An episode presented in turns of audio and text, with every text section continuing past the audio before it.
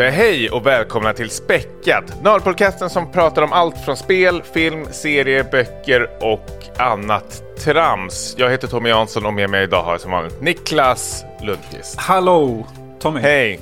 Har vi krypit tillbaka till korset nu och kallas för nördar? Ja, vi fick ju mothugg där. Eh, så vi måste väl... Vet du vad? Ja. Din jäkla fegis. Det här gäller verkligen äta eller bli äten. Just det. Stå på dig nu.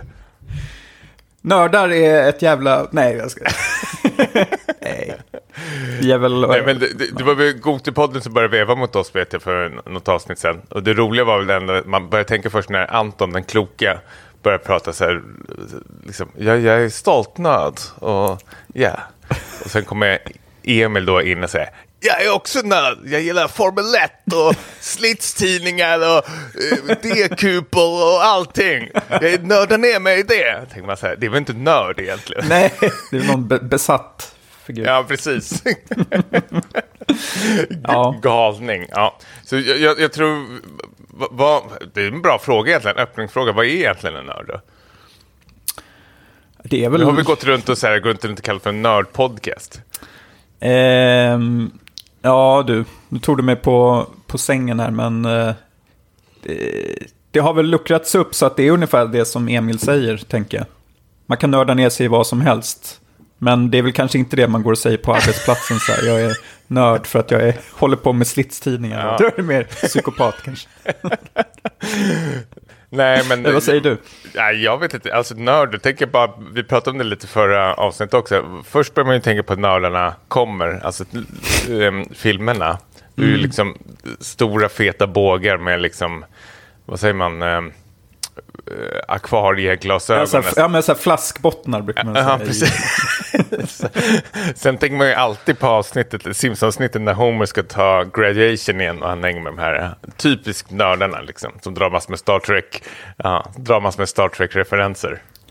Just det, Star Trek är ju en klassisk så här, nörd. Det är väl äkta nördar om man håller på med Ja. Star, om man är en trekkie tänker jag väl. Precis. Är du och jag nördar? Det är vi inte. Nej, det tycker jag inte. Nej. För, för jag, man, man kan väl alltid säga, om man är filmnörd så är man ändå att man är så cineasten då kanske. Mm, lite finare i kanten. Precis. Spelnörd, det låter så här äh, att man sitter som en jävla psykopat och typ så Eh. här, drar igenom typ 2000 spel varje dag. Ja, det är mer en hobby tycker jag. Ja, Så att, var går gränsen? ja.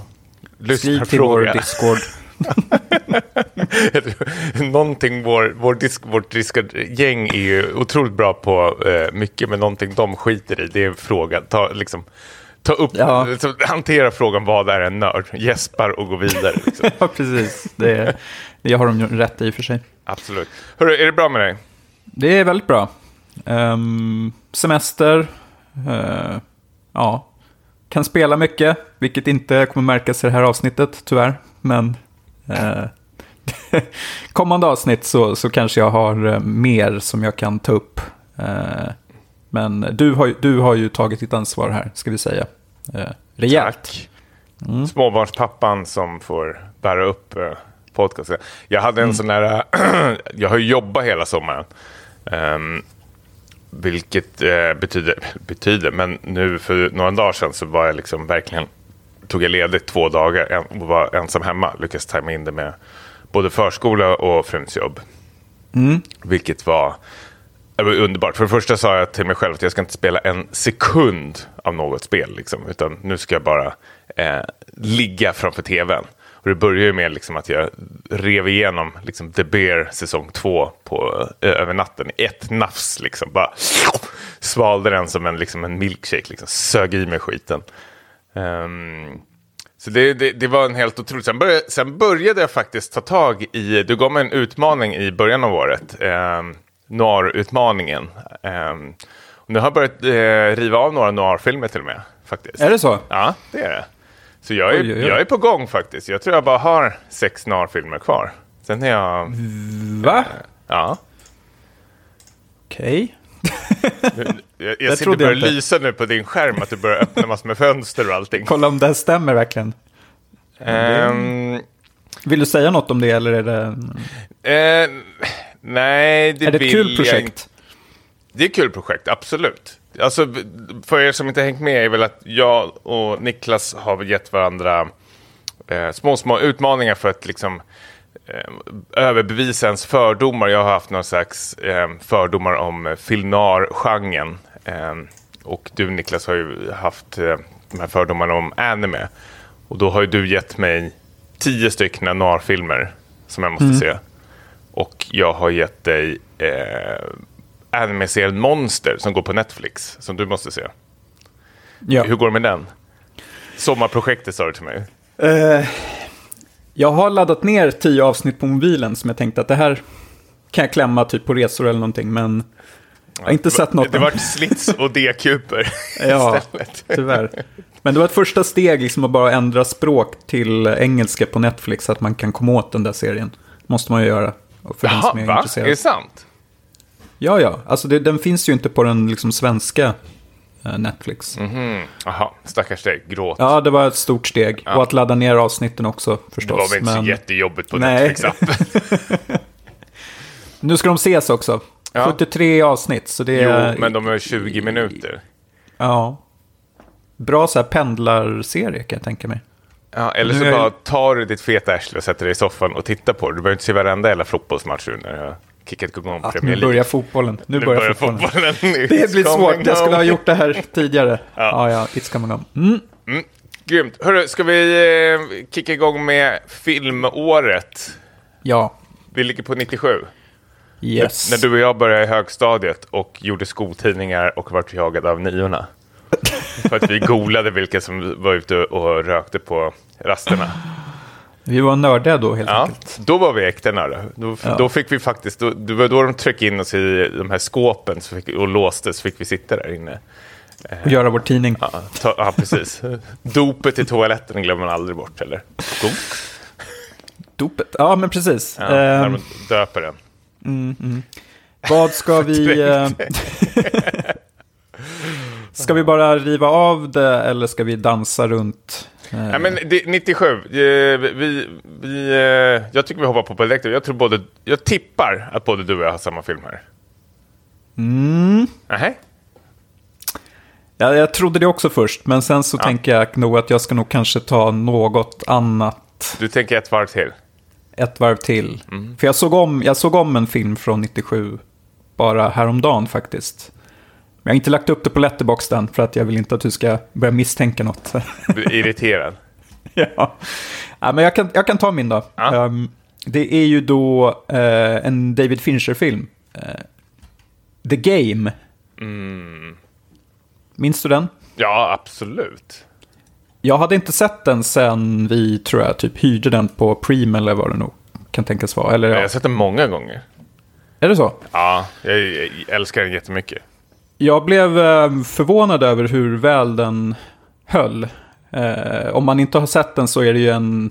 Ja, Michael Douglas spelar den här eh, rika eh, svinet som har tapp, tappat livslusten känns det som. Men han, hans bror övertalar honom att... Eh, Som Sean Ja, Penn. men- Ja, Sean Penn, precis. Övertalar honom att eh, han ska kontakta ett företag som säljer typ så upplevelser. Typ som en så här, ja men escape room fast eh, mycket mer eh, extremt kan man väl säga. Det, det börjar in, infekt, liksom invadera hans privatliv med folk som förföljer honom och massa utmaningar som dyker upp. Eh, och han börjar väl misstänka att det här kanske är på riktigt, inte bara ett spel. Eh, Jag tyckte den var otroligt eh, tight, väldigt mycket så här Hitchcock-influerat med den här every man, eller everyday man som hamnar i en konstig situation eh, och eh, gör väl en resa på vägen. Och det kändes som att det fanns något mer i själva filmen än bara just det här eh, eh, roliga att han blir, eller att han blir jagad av eh, skummisar. Eh, och liksom Finches 90-tal är väl helt makalöst nu när man börjar blicka liksom mot vad som finns. Absolut. Eh, eh, det kanske var här han var allra bäst. Eller det tycker du? jag absolut. Ehm, ja, bara för att komma ihåg. Men Seven, Alien 3. Mm. Sen vad har han med från 90-talet? Förutom The Game då? Ja, det är Fight Club då. På Fight Club. 99. Ja, Så det är nästan ju- bara fullpoängare där. faktiskt. Ja, coolt. Eh, Men Mm. jag misstänker vilken du skulle ta för den valde jag också mellan. Ja, men det är såklart eh, David Lynch, eh, Lost Highway. Den här har jag ju sett eh, säkert 40-tal gånger. På tal om Preem-butiker så var det här en film som jag eh, hyrde med min eh, vän eh, Gustav Sandström väldigt många gånger. Eh, vi skrek, kommer jag ihåg, när det är den här... Ehm, jag vill bara för att berätta lite kort om man inte har jättebra eh, koll på den. Är väl, det är Bill Pullman som är en musiker, en jazzmusiker. Eh, som helt plötsligt blir, eh, vad kan man säga, det är någon slags så här, eh, intrång nästan i privatlivet av ett gäng skummisar som filmar han och eh, Patricia Arquette när de ligger och sover i, i sängen och skickar massor med så här, videofilmer till dem egentligen. Ehm, men det är ju liksom en surrealistisk mardröm då när Bill Pullman då ska liksom... Ja, det är jättesvårt att säga vad den handlar om, men liksom ta reda på vad det är egentligen som händer här och varför de är utsatta utav det här.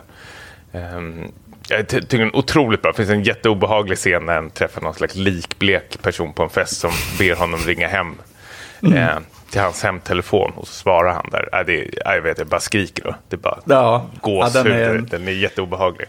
En av de bästa David Lynch-scenerna. Ja. nästan. Ja, den är Eh, helt eh, eh, galen. Men jag var väldigt nöjd. Alltså, har du sett eh, Mikael Hanekes Dolt hot? Jag tror den heter så här, Caché på franska eller någonting. Så här, catch, alltså som kassettband eller någonting. Nej, jag har aldrig är- sett den, men jag vet vilken du menar. Ja, det finns den- väl också någon scen där de filmar någon som sover. Eller? Ah, nästan, men här är ju samma sak. I den filmen, alltså det är så jävla... Alltså det är, det är ju psykisk misshandel när det är som bäst, tycker jag. Att det här är ju någon som bara filmar ett pars lägenhet utifrån, som har ställt upp en kamera på liksom, ett stativ. Och står bara och filmar i åtta timmar och sen skickar det till dem. Och sen är det med det, liksom. Det finns inget liksom... Inget, inget krav eller ingen lösesumma eller någonting vad de vill eller någonting. Utan det är bara eh, någon, någon som liksom så här skickar den här vi- videobanden lite då och då till det här paret. Och det liksom, man märker liksom hur det kryper mer och mer in på skinnet på dem. Ehm, Ja, det är väl inte något man... Han bryter väl inte mot lagen då, tänker jag. Utan det är väl något han bara... Eller? det, ja, men, eh, man, bara- för det första vet man ju inte vem det är som filmar ju, Nej, okej. i den filmen. Det är det som är också mysteriet. Vem är det som utsätter honom för det här Mm. eh, psykiska misshandel? Eh, men annars, på tal om Han- Hanneke, så kom ju Funny Games kom ut 97, 5 plus. Och eh, jag vet att du har sett den här också, men det är Satoshi Kons eh, Perfect Blue eh, Mm. anime-filmen. Den är också 5 plus för mig. Som är. Ehm, vad har vi mer? Ja, Starship Troopers har vi pratat om ganska mycket. om vi så det behöver vi kanske inte ta upp igen. Titanic får man väl inte glömma. Titanic. Och helt otroligt. Jävla bra film. Jag tycker en- även det kom sådana här eh, experimentella filmer som är rätt tuffa. Det, alltså Cube kom ju det här året också. Ehm, Som jag tyckte väldigt mycket om. Vi har även, för mig är det nog P.T. Andersons nästan bästa film, men Boogie Nights eh, släpptes också. Som är svinbra, verkligen. Um, Contact, på tal om sci-fi, om man är intresserad av det. Just det, den vill man- jag se om. Ja, den är och Jag såg ju den... ehm, jag var lite sist på bollen. Alltså jag tror jag såg den typ så här, tio år efter den hade släppts, eller någonting, om inte ännu mer. Ehm, och den höll väldigt, väldigt bra. Då. Verkligen, man ser, när man har, ser den och Interstellar och sätter dem bredvid varandra så det finns det riktiga härliga eh, jämförelser. Men på tal om thriller så vill jag faktiskt slå ett eh, slag för, jag har sett att du har satt den på watchlisten också, Cure. Eh, Kyoshis eh, Kurosawas eh, thriller som är skitbra. Det är väl också så här, David Fincher eh, thrilleranda. Den, den var verkligen, verkligen, verkligen för sin tid. Eh, den, ty- den kan jag verkligen tokrekommendera till allihopa. Cure. Ja. Min minns ju att eh, här hade man ju inte åldern inne att se filmer som var från 15 år. Du brukade ju smyga in ändå, eh, tydligen. Så här, men, men jag kommer ihåg att typ den sommaren så pratade alla om Con Air. Mm. Och att, Jävlar vad var- John Malkovich är bra skurk alltså. ja, men det var exakt det jag skulle säga. För att typ, jag, jag kommer ihåg att jag var på biografen och skulle se någonting annat då. Och så kom det ut ett gäng, en fullsatt liksom, visning från Con Air. Folk som var helt lyriska och pratade om den så här efteråt. Och någon sa typ, "Ah, John Malkovich, fan vad bra han är. Vad är Dennis som kom ut? Eh, men jag kommer ihåg att jag, jag, var, jag var och såg båda de här vulkanfilmerna. Vi hade ju i förra året det där med var Ja, Volcano och the, nej, vad fan, Dantes Peak, vad hette? Dante's Peak. Med Pierce Brosnan? Nej? Ja, och Linda Hamilton. Ja, just det. De gick jag och såg istället. Jävlar vad jag gick på bio då. Ja, Shit. men det var ju kul. Femte elementet var ju också på bio då. Ehm, eh, vi får absolut inte glömma eh, Trey Parker och Matt Stones Orgasmo. Den tyckte jag var, den kanske inte håller i, idag, men jag tyckte den var väldigt rolig eh, då Ja. i alla fall. Ehm, Ja, eh, Men sen in även, och, och, klassiker. Fan vad nu bara, det här är typiskt oss att bara börjar- och börjar fastnar här. Men det är kul, nu blir det nostalgi här. Men vi måste ändå, Copland, Sylvester Stallone.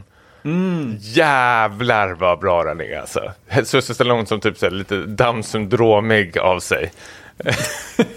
Nej, men det är Mer helt än vanligt. Är det inte, jag tror att du som berättade för mig eh, storheten med Copland när du skulle sälja in den till mig. För jag är rätt så säker på att du såg den före mig på, och, eh, och hade den hemma och så fick jag låna den av dig. Och då sa han så Mm. här, storheten med Copland, vet du vad det är? Nej, det är att Sylvester Stallone tyckte manuset var så bra, men då sa regissören att han, de inte hade råd med honom. Så sa Sylvester Stallone att I do it for free.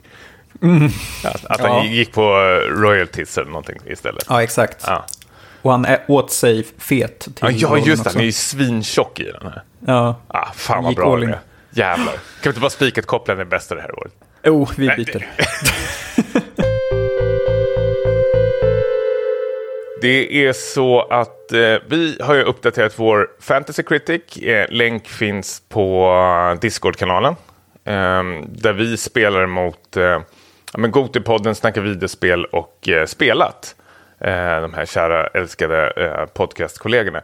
Men jag tänkte lite att du och jag tar, väljer ut några spel här som vi har valt. Alltså inte vi per se som späckat, utan som det kan vara från någon annan podcast som har valt att de har tippat kommer gå bra för i år. Eh, så ska vi försöka känna av lite vad vi tror om det här spelet. Eh, och då tänker jag att det blir kanske lite objektivt då istället. Ja. Eh, eller vad säger du? Eller vad, ja, men det låter bra. det här blir som tog vi lite här på uppstuds nu innan vi satt på podcast. Men jag tror det kan vara kul. Vi behöver inte liksom gå igenom hela liksom listan vad vi har tippat på Fantasy Critic. Det är ingen som Nej. vill lyssna på det. Men det här kan man ju se lite som så här, tips vad som kommer komma till hösten. Vad man ska Mm. kanske plocka upp och kanske vad man ska akta sig för. Då, om vi säger så. Då. Ja, men det Ehm, låter bra. Jag vill slänga upp på direkten då eh, Payday 3 som Gotipolden har valt, som vi har också counterpickat.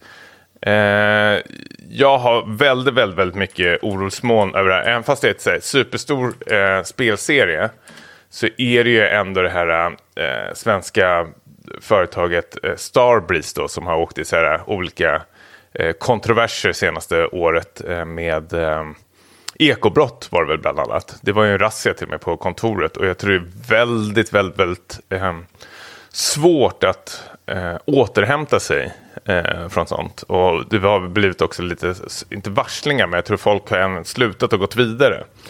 Eh, visst, det kan ju också vara positivt att det kan vara in, liksom, nytt, ungt, fräscht blod också. Men jag tror att ehm, jag tror Payday 3, folk har för höga förväntningar på vad det kommer bli för någonting. ehm, egentligen. Eh, så jag kan, jag kan inte se storheten nu. Vad, hur tänker du här? Ja, men jag har för mig att är det inte så att typ Payday 2 är sånt som folk fortfarande spelar? Alltså att folk tycker det håller eh, bra. Att det kan bli lite det här som med Blood Bowl 3, att typ folk spelar tvåan och tycker det är kanon och så kommer trean och eh, känns liksom Folk som dig överflödigt. och mig kommer och ska Så jag liksom, blir- ska in där. förstå, förstå hypen. Förstå hype. Ja, men precis. Men även det du tog upp med Starbreeze, att det kan vara någonting som eh, drar ner spelet. Eh, För det känns... det- Ja, förlåt. Fortsätt. nej, men jag- det, det känns som å, årets... Kan bli årets eh, flopp. Kritikermässigt i alla fall, tror jag. Ja, jag tror så här, ekonomiska flopp också. Att det här kan ju vara det som liksom sänker eh, Starbreeze tyvärr. För att, rätta mig om jag har fel, var det inte de, eller de kanske var utgivare till det, men till, till det här uh, Walking Dead-spelet också som var så här supersågat. Eh, det var ett något så FPS eh, Walking Dead-spel, det kanske inte var Starbreeze, nu orkar jag inte googla fram det. Eh, Nej, så det ska vi inte bekant. låta vara sagt här. Eh, mycket spekulationer. Ja, Ehm, Ja, nej, men jag, jag vet inte. Jag, ja, vi fortsätter då. Vi, bra Mm. Niklas, gå vidare. Jag måste ändå säga, vi har counterpickat eh, Armored Core 6. Eh, för att vi trodde att det inte skulle komma ut i år. Chi fick vi, det kommer ut om bara några veckor. Nu har det släppts Mm. massor med gameplay-trailers eh, på det. Det här är eh, From Softwares, eh, alltså Souls, eh, ja, genre, genre, Souls-spelen, skaparna. Ehm, och det är helt otroligt att de släpper ett spel ett år efter släppt Elden Ring. Liksom. Ehm, vad, hur, jag är ju superpeppad på det här. Jag har ju tittat på massor med gameplay nu och videos och sånt där. Alltså det ser ju väldigt, kanske lite brunt ut. Ehm, men eh, jag tror att storheten i Armor Core som någon eh, skrev var att, de här, att det finns så här korta uppdrag som vissa kan vara så här 90 sekunder långa. Där du ska liksom bara modda din eh, eh, meck för att ta igenom det här uppdraget på bästa möjliga sätt. Och där tror jag ändå storheten ligger i eh, det här spelet. Plus att alltså, när du har späckat din, och där fick vi in podcastnamnet också, när du har späckat din eh, meck så kan du liksom föra över det, alltså någon annan kan, du kan ladda upp den på internet så kan någon annan ladda ner den och liksom prova din liksom utstyrsel och liksom sätta in den i, i uppdragen som hen ska spela. Där tror jag det kommer vara väldigt, väldigt, väldigt tufft faktiskt. Ja, men det kommer ju vara ett spel för de som är nischade. Alltså i... Eh, men som Elden Ring och, och Dark Souls tänker jag. Det är ju inget mainstream-spel. Fast nu har ju typ Elden Ring blivit mainstream känns det som. För att det är så inne med eh, svåra spel som kräver mycket av ja, spelaren. Ehm, Men förlåt, jag tror inte det här kommer vara som ett Souls-like spel. Alltså det kommer vara svårt, men jag tror mer att det kommer vara kanske som ett Platinum Games-spel, typ så här uh, Vanquish, att det ska gå väldigt, väldigt, väldigt snabbt hela tiden. Och, det ska, och här kan du liksom, till skillnad från uh, Elden Ring där det är väldigt mycket close combat och sånt, så ska du gå, kan du väl eh, attackera på avstånd här ehm, och skjuta och sånt. Ehm, Just det. Med det sagt behöver inte betyda att det kommer vara lätt, eh, utan jag tror det kommer vara väldigt så här, um, det svårigheten här är att hålla uppe liksom, mom- momentumet, att tempot ska liksom hålla i sig hela tiden. har du spelat någon av de tidigare spelen? Nej, ingenting alls. Nej, jag tror det är många som inte har det, inklusive vi två. Mm. Ehm, Men Kjell, är, du, är, du, är du peppad på det? Om vi säger så. För Jag, är- tror- jag är... Mm. Mm, nej, men jag är peppad. Ehm, det, Vad är det som Men- talar emot? Är det det här svåra? ja, Ja. det är väl det. Jag tänker väl Säg att... det- killen som klarar XCOM och XCOM-expansionen på en gäspning. Liksom. Nu, Ja. nu Ja, säger du i och för sig någonting bra där. Nej, men det är... Alltså, Zone of the Enders, eh, Kojima-spel är väl det enda som, som mech-spelet som jag har kört. Mm. Eh, och det har jag för mig var ganska så här, eh, strömlinjeformat. Du behövde inte göra så mycket pillande i menyer och sånt. Eh, det är väl om jag... Det är mycket som hänger på det om jag kommer tycka just den delen är kul. Eh, då kommer nog resten med mm, fighting och sånt komma av sig själv, misstänker jag. Eh, Så det här känns ju som typ ett av årets mest uppsnackade spel. Så att man vill ju spela det nästan mm, delvis bara av den anledningen, tänker jag. Yes. Ehm, vi har även, ehm, som vi har valt också, eh, good, men därför jag nämner det för att det blev counterpickat. Goodbye Volcano High. Vad är det här? Det här är typ dinosaurier, visual novel, så här tonårsångest. Allt det man hatar. Hatar. Nej, men... vi har ju valt det för att vi tror att det kommer att få bra eh, betyg och sånt. Det är ju ingenting vi själv, själva kommer spela. Jag tror att det, ja, jag vet inte. Alltså, det är mycket orosmoln som ligger runt det här spelet, även fast vi har valt det som sagt. Men det kan svänga åt båda hållen. Det kan ju bli ett Life is Strange, eh, vilket jag tyckte väldigt mycket om första spelet. Eh, men sen var ju det en genre som dog ut väldigt snabbt av sig, de här valen man ska göra. Eh, om de lyckas få i, alltså väldigt, väldigt bra karaktärsporträtt. Och kanske, jag har ju sett det i något klipp där man sitter och spelar typ med sitt band.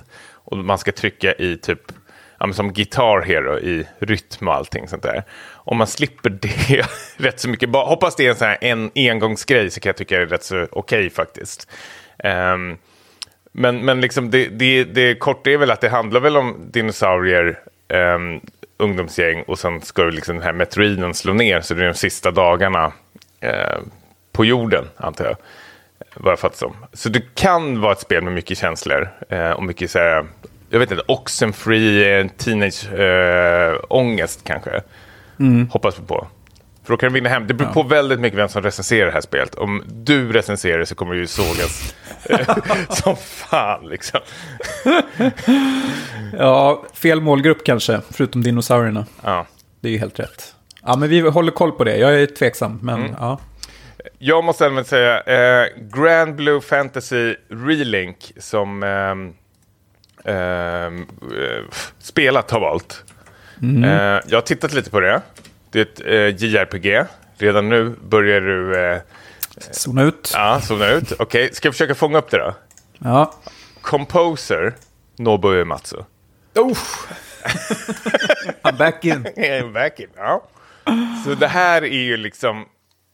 Det, det är ju eh, Saya Games som har gjort det, men Platinum Games har varit med och hjälpt till, stöttat. Eh, men sen är det ju att de har tagit in Nobu Uematsu för musiken. Jag vet ju att han även har varit med i massor med andra eh, spel som inte har gått så bra, så det behöver inte betyda att spelet per se ska vara bra. Men det, det är ju selling pointen för mig och det kan ju få bra för att eh, eh, någon galen recensent säger The music here really shows the strength of Uematsu.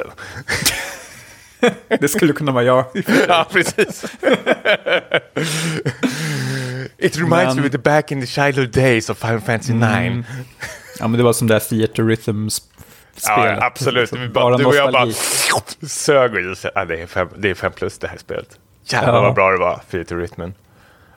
Ja, nej, jag vet, jag vet för lite om det här för att uttala mig, men det kan ju vara som du säger att det, de har slagit på stora trumman, men det faller platt när de inser att eh, det inte är så mycket där. Ja. Orosmoln här är att det är ett fyra player co-op-spel om man vill. Eh, annars har man sådana tre AI-karaktärer som springer runt då istället, vilket jag hatar. Och sen är det också det som kanske talar lite emot är att det släpps late 2023. Så det är liksom, eh, japanerna är faktiskt duktiga på att ändå hålla eh, sina releaser tycker jag ändå.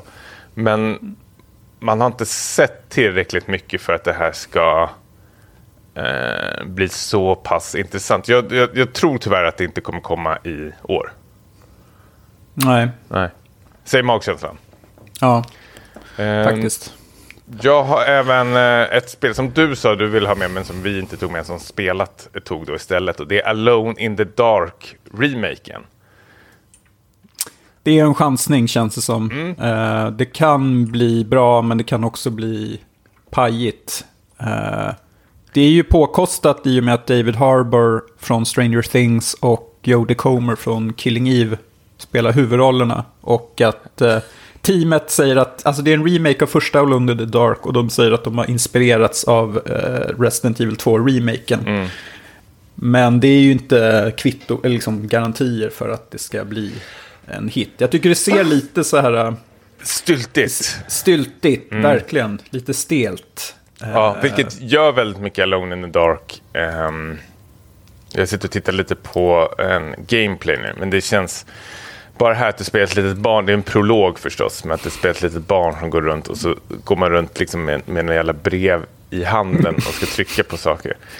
det låter inte så alltså kul. Det ser inte lika lyx, långt ifrån lika lyxigt ut som ehm, Resident Evil. Men Resident Mm. Evil är ju liksom top tier. Eh, det, det kanske känns lite fegt att jämföra det.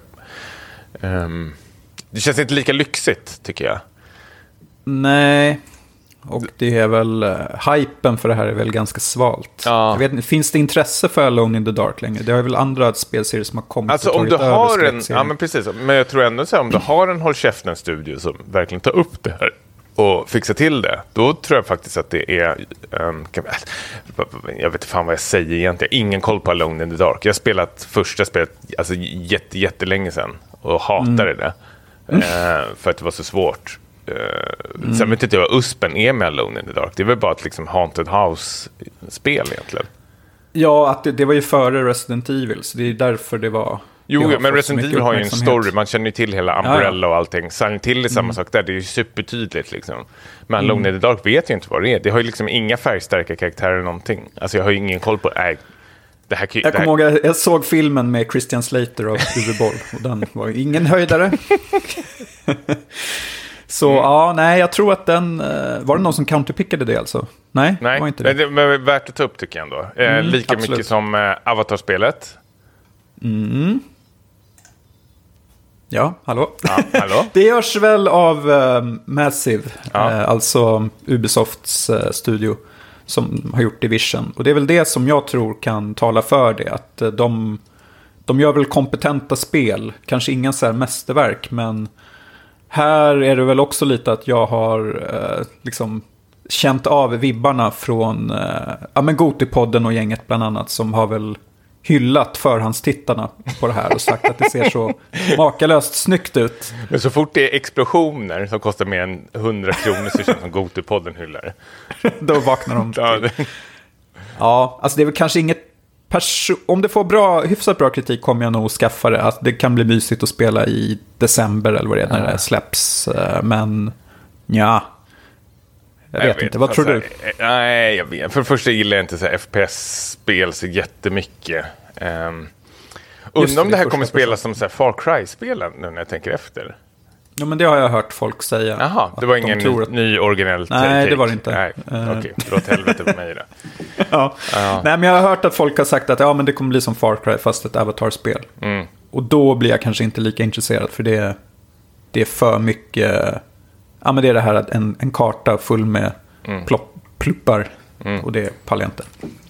Jag vill nämna ett eh, sista spel innan vi... Eh, Mm. Eller sen har inte jag något mer. Du får jättegärna plocka upp någonting. Men jag måste även eh, gå till podden på tal om dem. Så har ju de valt Immortals of eh, Avenue.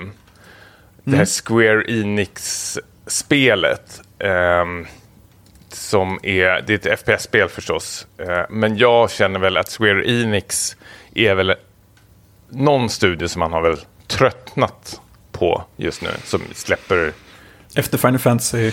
Ja, men jag tänker Forspoken också har, släppte de väl ehm, i år. Ehm, som också var skit. Och det här känns...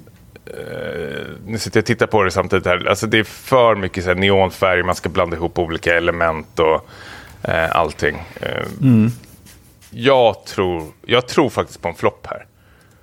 Men jag var för feg för counterpicker. Vad, vad tror du?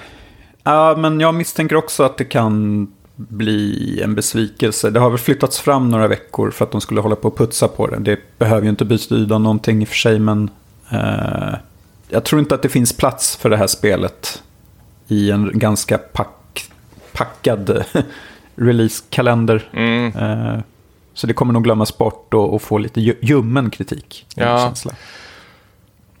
Jag vet, Ehm. den här hu- huvudprotagonisten ser ju så här otroligt generiskt. Ja, ja men han har, han ser ut att lyssna, lite för mycket på Joy Division nästan. Typ. Eh, Rakat på sidorna och sned. Han ser ut som dig ju! Han är exakt det här samma kanske är något för mig. Ehm, Nej, Immortals of Avenue. Jag, jag tror inte på det. Jag hade velat counterpicka det, men jag skulle så, såklart välja Payday 3 istället. Men det tror jag också Ja. är skit. Ehm, Får jag fråga dig om ett sista spel Ja, som jag är. Mm. nyfiken på dina tankar. Men Persona 5 Tactica. ja. Jag är ju... Jag har fått för mig att det här ska spelas som ett XCOM spel Eller liksom tur, turordningsbaserade strider. Stämmer bra. Ehm, jag vet inte vad, vad jag tycker om att eh, man från är det Atlus sida, det känns som att de börjar mjölka Persona 5 lite som Square Enix ska mjölka Final Fantasy 7. Eh, Och göra massa olika spin-offs och grejer. Jag vet inte om jag är jättesugen på att spela ett sånt här spel i Persona-universumet. Eh, Jag hör vad du säger. Eh, och jag håller med. Men jag tror att studion måste göra de här valen. Att de tar in en... det här är ju inte Atlas själva, tror jag inte. Um, det känns inte som det. eh, som gör det. Utan, alltså det här huvudteamet som gör Persona-spelen sitter ju nu och gör den här Re-Fantasy bland annat. Och säkert Persona 6 också. Um, Det här är ju liksom så här... ja, men B-studio som får hoppa in. Och precis som du säger, att man mjölkar ut en, eh, ett varumärke. Eh, Men om det drar in pengar för att de ska kunna liksom, fortsätta utveckla sina stora projekt så ser inte jag någon så här, något dåligt med med det per se. Alltså, om, folk, om folk köper och blir glada för det, absolut. Men eh, jag, har, jag älskar ju Persona 5, men jag har inte rört... Jag spelar första fem minuterna Persona Strikers till exempel. Ehm, Just det. eh, Vad var det för något? Det fotbollsspel? men- nej. Var det hette, för hette det inte Striker? Det hette, Jo. Jo, Strikers. Nej, men det är de här, åh, jag glömmer allt, Mo, säger man Moho eller nå, någonting sånt där? Alltså de här som är som eh, Dynasty Warriors-spelen. Jaha, så här button mashing. Ja, men precis. Du ska röra dig på ett liksom, eh, slagfält och så ska du springa runt och slå. Folk tycker ju väldigt mycket om det, men ja. Eh, det kanske jag Ja, man kan ju skip, skippa de här och Absolut. vänta på huvudspelen. Men jag, jag är inte ett dugg sugen på Tactics. Alltså, ta, alltså sådana här um, turordningsbaserade spel ska krävas väldigt mycket för att jag liksom ska eh, plocka upp dem. Även fast jag tycker om genren så måste du liksom kanske ha en liten, eh, en liten nisch. Jag älskar ju XCOM. Men med Mm. det sagt har inte jag plockat upp liksom, eh, det här Marvel-spelet, Golden Sun eller vad det hette. Mm, eh, som är-. Ja, och det har inte du heller va? Nej. Nej, kanske vi skulle ha som ett litet projekt du och jag provar det. Vi som ändå är- älskar XCOM så har vi inte liksom, varken du eller jag har rört sig. Alltså, turordningsbaserat spel kräver ju väldigt mycket från spelare. Eller från mig i alla fall. Jo, samma här. Ehm, Det, det kommer så många så att man uh, hinner inte spela alla. Eh, precis. Ehm, och det, jag får en känsla att det här kan vara lite tramsigt också. Ja, Men jag tror att det kommer få bra. Faktiskt. det, Ehm, det köper jag. Så jag tror att det var rätt val. Jag tror det var Gotupodden som hade det. Ja. Ehm, så det tror jag är väldigt, väldigt bra val. ehm, Faktiskt. Sista. Ja, blir Får- jag ta en sista? Du, du, Ja, en jag sista. vet att du ska dra på ditt jävla melodikryss om en timme. Assassin's Creed Mirage. Ja. Eh, det har väl varit ganska positiva tongångar av folk som har tittat på det. Att det är så kort. Eh, det, det är tillbaka till rötterna och hela den där biten. Jag är personligen inte så sugen. Men, Rötterna jag hatar. ja, men precis. Du vill ju ha de här stora open world-spelen. Eller inget alls kanske. Nej, eh, inget alls. hade.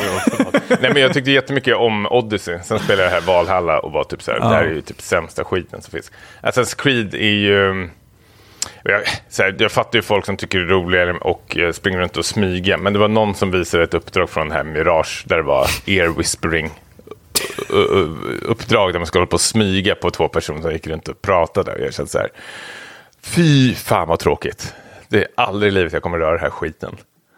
Nej, men det, det, det här är en spelserie som... All, alltså, jag har gett den för många chanser. Um, och det är väl bara Odyssey som har liksom infriat um, dem. Uh, som jag tyckte var riktigt bra. Uh, fakt, det hade jag kul med. Uh, men det var ju inte ett Assassin's Creed-spel. Det var ju något helt annat. Det var ju typ en Witcher 3-kopia. men det skit jag Jag var nöjd. Men det här kommer jag absolut inte spela. Men jag tror det kommer få bra. Men det kommer nog ligga runt 80. Tror jag. Ja, ja Vilket det, också är bra betyg. det är bra. Enligt oss, Gotipodden, då är det ju sågat som, då är det liksom, då är det bara bränna upp skiten. Det är liksom så här, Det är det sämsta betyg man kan få. kristallnatten-aura liksom är det. ja, men kul. Ska vi, eh, vi har spelat lite spel också. Vi går in Ja, till lite spelrecensioner. Eh, Yes. Jag vill bara avsluta jättesnabbt då. Jag har gått i mål med Remnant eh, 2 nu. Eh, Jag var väl, eh, jag lyssnade lite efter att jag spelade på avsnittet och ville bara höra vad jag hade sagt om det fanns något att fylla i. Då satte jag en stark eh, trea på det. Jag måste nog revidera betyget till en eh, nästan stark fyra faktiskt. oj. Eh, det här är ju årets ehm, överraskning, måste jag säga. Och spelet växte mer och mer eh, på en. Um, och särskilt när man kom till den här slutbossen som var ett riktigt jävla helvete att ta sig igenom. Men det var en sån otroligt härlig känsla när man äntligen fick uh, ner honom. Uh, Men jag, jag, jag är jättenöjd över det här spelet uh, och vill faktiskt, och har liksom spelat mer, fortsatt med liksom endgamet efteråt. För att leka runt med vapnen och prova på nya svårighetsgrader och allting sånt där. Så jag måste nog ehm, äta upp vissa saker. Jag sa att kontrollen inte var lika, inte så jättetajt, men det, det var samma sak där, man kom in i den till sist faktiskt. Jag hade väl bara spelat några timmar förra gången, men nu känner jag att det, det var någonting som lossnade till sist. Och, och då satt det väldigt, väldigt bra faktiskt med allting. Det är bara någon sån här mappning som man tycker är lite konstigt, att man måste hålla in L1 och sen trycka någon annan knapp för att typ poppa typ abilities. Det är väl lite så här skevt. Eh, det är det största minuset. Men annars tycker jag att det är ett helt otroligt spel faktiskt. Jag tycker det är... Det bara åkte upp på min eh, liksom, topp 10-lista över året. Men var det här något man spelade tre personer eller två? Tre, tre personer. Så det ja. var jag, eh, sen är min co-partner Jack och så var det Tom ifrån eh, Spelat. Mm -hmm. som, eh, var kör. de lika positiva då? Ja, men vi var väldigt nöjda. Och säkert när vi drog ner sista bossen tillsammans så var det riktigt sån här skönt snack efteråt. Men det som var så kul också var, alltså jag måste nämna pusslerna i det här spelet. De är 5 plus. De är helt otroliga och det är, eh, var väldigt, väldigt kul att liksom bräcka de här pusslerna för med, tillsammans med vänner när man satt och spelade. Det gjorde det liksom ett, det gav, för mig gav det ett extra lag i alla fall när man satt och surrade och eh, hjälpte varandra med pusslerna och försökte hur man skulle lösa och allting sånt där. Det är riktigt mm. bra sådana här, eh, ja men påminner lite om så här, vissa lite så här, escape room liknande. Eh, och jag tycker det är skönt att eh, spelet hittar en sån här bra pacing också. Att nu är det pussel, nu kommer inga fiender, utan lös bara det här nu.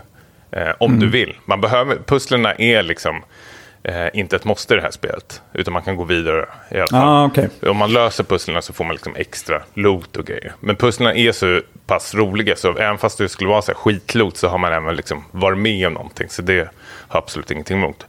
Men jag skulle bara hålla mig jättekort om det här med två. Vi har ett här, jättestort eh, schema här framför oss. Eh, mm. Men jag, jag är superimponerad. Jag tror du skulle faktiskt tycka det var kul att testa det. Um, mm. Tror någonting där som du skulle gilla, det är att det är det här shooter-liknande third person.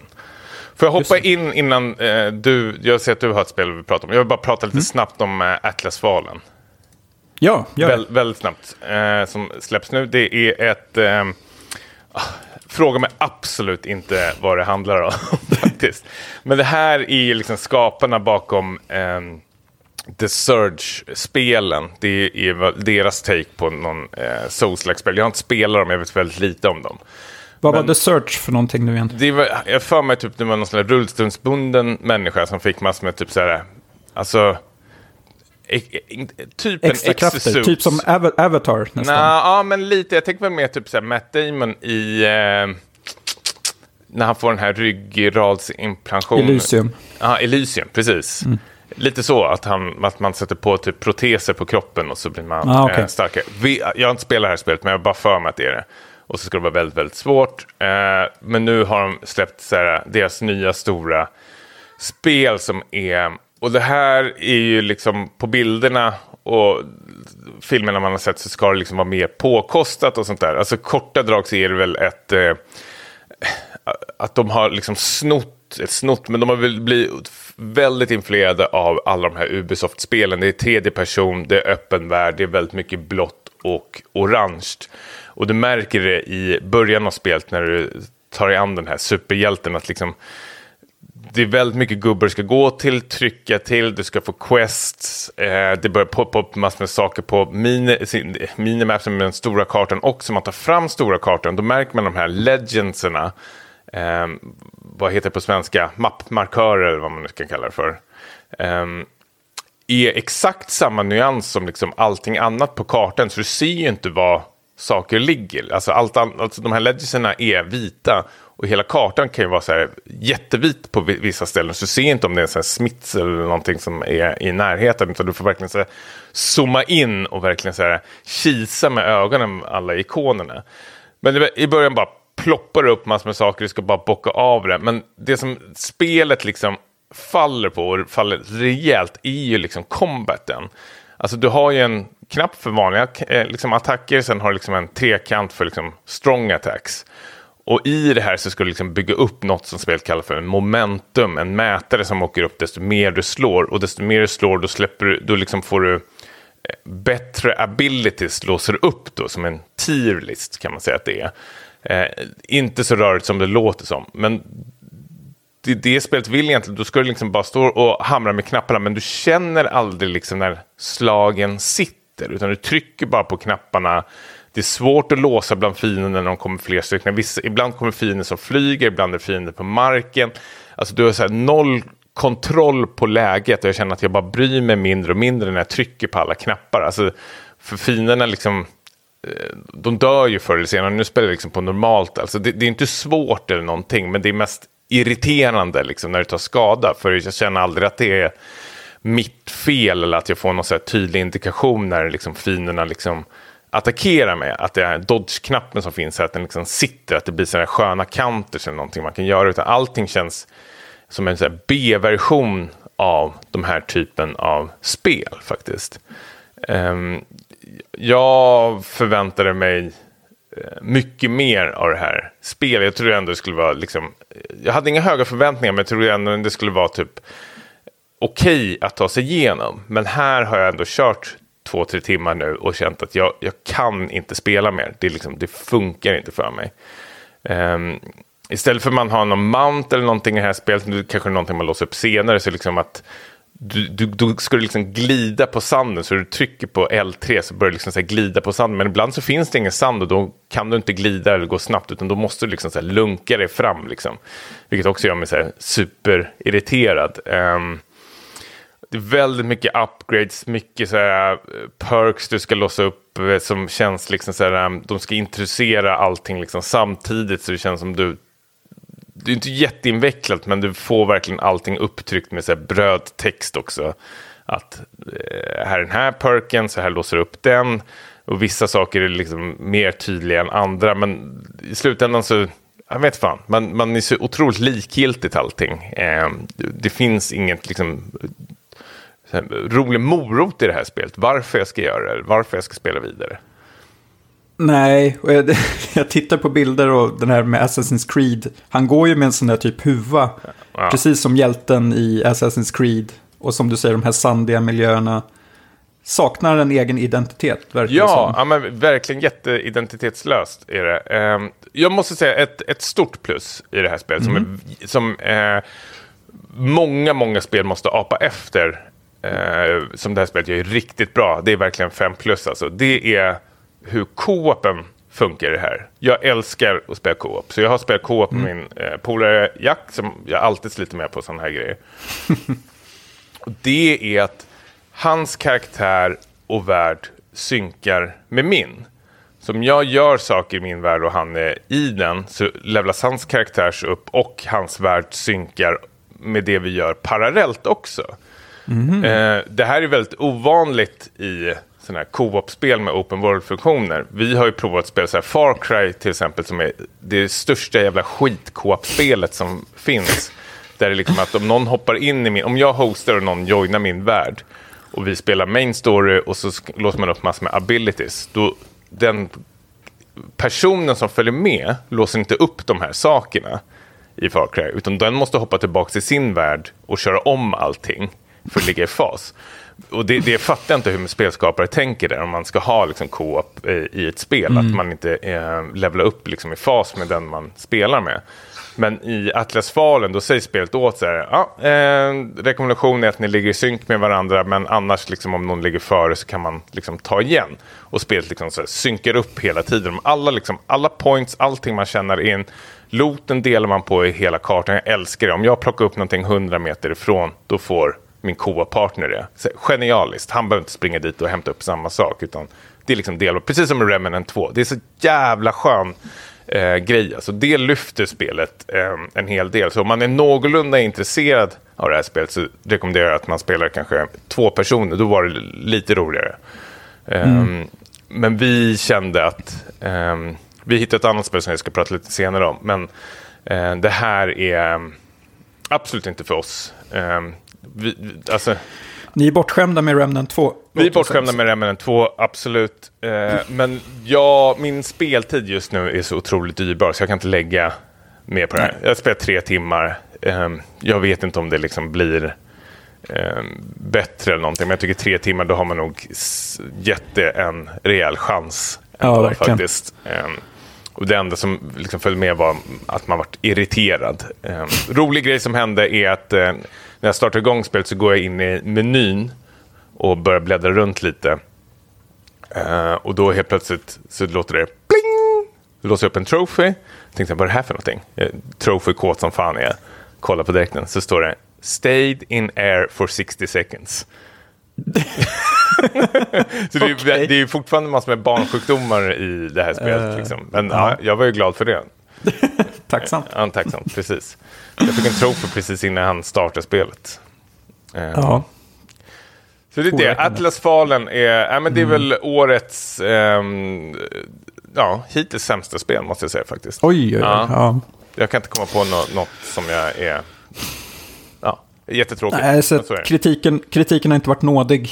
Jag tycker jag ändå den har varit ändå eh, någorlunda skosam. Alltså, Snäll. IGN gav 7 av 10. Det tycker jag ändå är ett Ah. bra betyg. Eh, Det är det ju.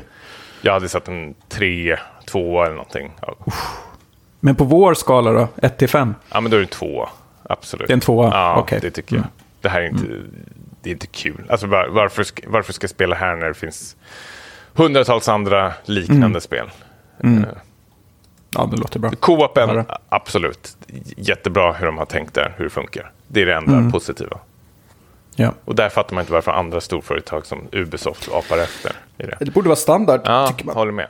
Hörru, du har spelat en massa. Du har spelat spel som jag har varit jättesugen på länge tills betygen kom.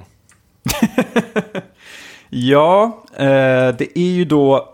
Jag måste alltid kolla titeln här så jag säger rätt. The Last Case of Benedict Fox. Ehm, som vi har fått eh, koder till. Mycket tacksamma för det. Eh, spelar det till Steam-däcken, perfekt på sommaren. Handlar, det är ett så Metroidvania möter eh, H.P. Lovecraft, kan man väl säga. Redan där Ehm. känner jag, mm, Ja, men det låter väl kul, tänker man, tills man börjar spela. och till att börja med känner jag så här, är man inte trött på Lovecraft? Med de här tentaklerna hela tiden. Och... men det är roligt också, så fort det är tentakler då ska det vara Lovecraft. Precis, det är så otroligt eh, sammankopplat med det. Vi brukar ju tjata om Eternal Darkness, att det var typ så här, det, ingen har ju gjort det bättre, den här liksom Lovecraft. ehm, Det är peak Lovecraft. Ja, men verkligen. Och det måste ju varit över 20 år sedan nu. Ehm, men jag tänkte Metroidvanias brukar ju ändå vara ganska eh, kul oftast och passa bra på Steam-däcken. Och nu har jag bara spelat en timme av det här, men eh, jag får väl berätta varför det blev så. Men eh, storyn väldigt kort är att man, man eh, kommer hem till familjens stora gamla hus och ens pappa har gått bort under mystiska omständigheter. Eh, I det här huset som är liksom någon form av hubb-värld så låser det upp olika portaler som gör att du hoppar in på olika banor som eh, ja, men verkar vara någon form av drömvärldar då. Och eh, det är ju klassiskt så här att du, du, i början så får du, du får testa på dubbelhopp och lite sådana här va- vanliga förmågor som du brukar ha i Metroidvania-spel. Eh, sen tar de bort de förmågorna ehm, så att du ska ha en så här morot att liksom låsa upp dem igen. Mm. En classic Ehm, trope. Väldigt klassisk trope. Ehm, och du nämnde eh, betygen på det här spelet har ju varit väldigt så här, det har varit mediokra betyg Mm. till Och det spelet. finns ju en förklaring till det. Vi- Ja, jag, hopp, jag stoppar den i hölstret lite, så ska vi se saker. Ja, men eh, får se. Ja. Och det, det jag har märkt under min korta speltid, dels eh, så tycker jag att det känns väldigt, så här, det känns ganska generiskt eh, med fienderna är, det påminner mig lite om det här spelet In Sound Mind som vi spelade. Mm. Ehm, som ju var en positiv överraskning, men där du också hade en så här hubbvärld och så gick det ut i olika typ drömvärldar. Och fienderna bestod av, eh, ja vad ska man säga? Det, det, I det här tror jag att det är så typ ink, alltså bläckklumpar eller någonting som har fått så här eh, mänskliga drag som du ska slå ihjäl. Eh, och det är egentligen bara man ham hamrar på slå-knappen så, så dör de. Det är möjligt att det blir mer avancerat längre fram, men än så länge är det väldigt mycket bara stå och slå. Ehm, och eh, inte jättekul förmågor än så länge. Det finns ett vapen du kan ladda upp men jag lyckas aldrig typ ladda upp det. Va? Nej, men det är typ så ett skott och, så, och det är ingen vits med att använda det än så länge. Eh, tycker jag, utan det är bara enklare att stå och slå. Eh, jag tycker spelet är väldigt otydligt i vad man ska göra. Eh, så där har ju mitt tålamod har ju, har ju börjat tryta redan. Jag känner att jag spelar också lite annat just nu som jag tycker är mycket bättre. Och då Mm, blir det när ett spel kommer som jag känner bara slösar bort min tid. Då, då, då ryker det ganska snabbt. Helt rätt. Tyvärr. Men är det Eh, otydligt vart du ska gå någonstans? Eller vad? Jag har fastnat på ett ställe där det är typ att jag har utforskat hela den första drömvärlden då. Mm. Eh, och tänker att ja, nu kan jag inte göra mer här så nu ska jag tillbaka till det här huset. Och står vid den här portalen. Där jag försöker då komma tillbaka. Och då när jag försöker liksom varpa mig tillbaka så säger spelet att så här, ja, du har inte, om du inte använder portalen så kommer allt du har samlat här inte att följa med tillbaka till huset. Man samlar på typ bläck Ja. för att kunna uppgradera saker. Eh, så då är det så här, jaha, men jag, jag, jag orkar inte. Känner jag typ så här. Men, te- men teleportera tillbaks då? Men det går ju inte. Men det stod ju... Va? Ja, men då, då, får, då får jag inte med mig allt jag har samlat på den här första världen. Nej, men, nej, men precis. irriterad. Allt du har samlat på första världen så verkar ju stanna där ju. Ja, jaha, Ja, och sen Det drar tror du till... Va? inte. Nej, det vadå? tror då? jag inte. Men vadå, vad har du samlat för någonting? Saker som man kan uppgradera, eller hur? Ja, men så här typ valuta Ja, som jag sen det- kan använda. Ja, och det kan man bara använda... När använder man valutan då? I hubben eller i... I, I hubben, som jag har förstått Aha, det. okej. Så du vill ju ha med det tillbaka där Ja, du liksom kan absolut. börja Då fattar köpa jag. Jag tror det var saker. något man kunde använda i världen. Nej, det tror jag inte. jag ser din blick nu jätteosäker. För jag tänker att det är Ja, här, så här. allting som du gör i den här världen är liksom låst till den här världen. Att man inte ska liksom kunna exploita spelet och hoppa runt med olika valutor och allting mellan olika världarna. Tänker jag högt nu, alltså att det är så. Jag tror inte att det är så eftersom spelet varnar för att typ att om du går tillbaks som du tänker göra nu, då kommer du inte få med dig någonting. eh, av det du Gå tillbaks, ingen minns en fegis. Du har inte vågat åka gå tillbaks eller? Nej, det har jag inte gjort. jag kanske botar upp Steam-däcken medan vi pratar och så får vi se hur det går. Ja. Vi får se. Du, du skulle säga något om varför du hade fått dåliga betyg. Nej men det, eh, jag var jättepeppad på det här spelet innan. Eh, jag hade till och med på vår eh, privata eh, Fantasy Critic vet jag. Fick en rejäl känga för det. Eh, men då var jag fattat som när jag läste mig till eh, alla recensioner var att mappningen på den här kontrollen var ju så helt sinnessjuk. Det är väl typ så att man nu kommer jag inte ihåg, men till exempel att för att dodge roll eller någonting så gör du allting med analog spaken. Ehm, vilket folk vart så här tokiga över och att man inte kan mappa om. Ehm, det här var ju en av väldigt, väldigt många eh, problem. Men nu har ju liksom spelskapen och kanske därför du och jag fick en recensionskod nu så här långt efter när vi bad om det. ehm, som bara trillade in helt plötsligt. Att de har liksom uppgraderat spelet med, och liksom tagit åt sig alla de här eh, kritiken och sånt där som eh, spelarna har haft. Och det har ju fått ett eh, lite eh, ansiktslyft nu och lite mer positiva recensioner av folk som har liksom kommit tillbaka till att okej, nu verkar det typ funka mycket bättre än vad det var när vi spelade innan. Eh, Och det här som är så både eh, bra och samtidigt tråkigt, för spelet är ju redan recenserat av de här stora aktörerna, liksom, IGN bland annat och sånt där. Så liksom, de kommer ju inte gå tillbaka. Det är väldigt liten chans att de går tillbaks och liksom så här, Ja. eh, reviderar sina betyg. Vilket betyder Nej. att jag ligger på minuslistan på det här fortfarande. Det kanske ska kontakta IGN. Typ. Ja. Eh, Nej men därför har väl jag ändå, alltså från att vara jätteintresserad till att man vart så här, lite smått så här ledsen när betygen började trilla in och tänkte så här, ja, men då skiter jag i det här. Och sen nu när, man, när vi fick recensionskoderna så började jag ändå, alltså tog jag upp det igen och började titta liksom vad det som har hänt senaste tiden. Det släpptes ju i april. Och det har hänt rätt så mycket med det. Eh, så quality of life-grejer, så det kanske är spelbart. I alla fall tänker jag. Men du, jag tänker så här, kontrollmässigt, hur känns det där då? Är det, Där har jag nog inte haft några problem. nej? Ehm, det, det flyter på bra, man, man hoppar, man slår, man skjuter. Mm. Och som svårt? sagt, det fanns... Inte än så länge, Nej. men jag är på första banan å andra sidan. Men, och det fanns en dodge-mekanik, Mm. och den har jag inte använt tror jag. jag den har jag glömt bort. Eh, man ska rulla bakåt eller, eller typ eh, blocka i rätt eh, ögonblick. Ja. Men jag har inte riktigt, jag, det känns väl lite som att jag inte har gett spelet en ärlig chans. Men eh, Här jag tror står det liksom Phase 2, eh, en uppdatering. Enhance easy difficult with quest markers. det, hade Du den kommit, sån- eller skulle den komma? Den, den har kommit, det är i bocket här och allting. Du är en sån som, du går aldrig in i options-menyn, du trycker bara new game start. Och sen kör du Ja, ja. Och sen Jag tänker du att allting, allting ska vara som ett silverfat. Sen om det är perform, performance mode eller quality mode, det vet du inte. Det spelar ingen roll. Alls. Nej, men jag... Visst, jag, jag kanske ska fortsätta med det här lite till då och se om jag fastnar. Eh, de är väl värda en ny chans då, kanske. Eh, men det är något med, med spelet som gör mig så här, som jag tycker är störigt. Alltså själva titeln, bara den är ganska störig tycker jag. Det, det, jag blandar ihop det med Curious Case av Benjamin Button och Benedict Cumberbatch. Och det är en jävla mix av det. det är helt sjukt. Ja, ja. Jag tycker inte alls någon... Ja, du tycker en liten tung eh, eller? tungvrickare. Ja. Jag, jag blandar ihop det hela tiden. Men, och som sagt, jag börjar känna när jag kickar igång det att, ja, jag vet inte, Lovecraft. eh, Jag spelade ju ett annat Lovecraft-spel för några månader sedan när man var en gubbe på en ö.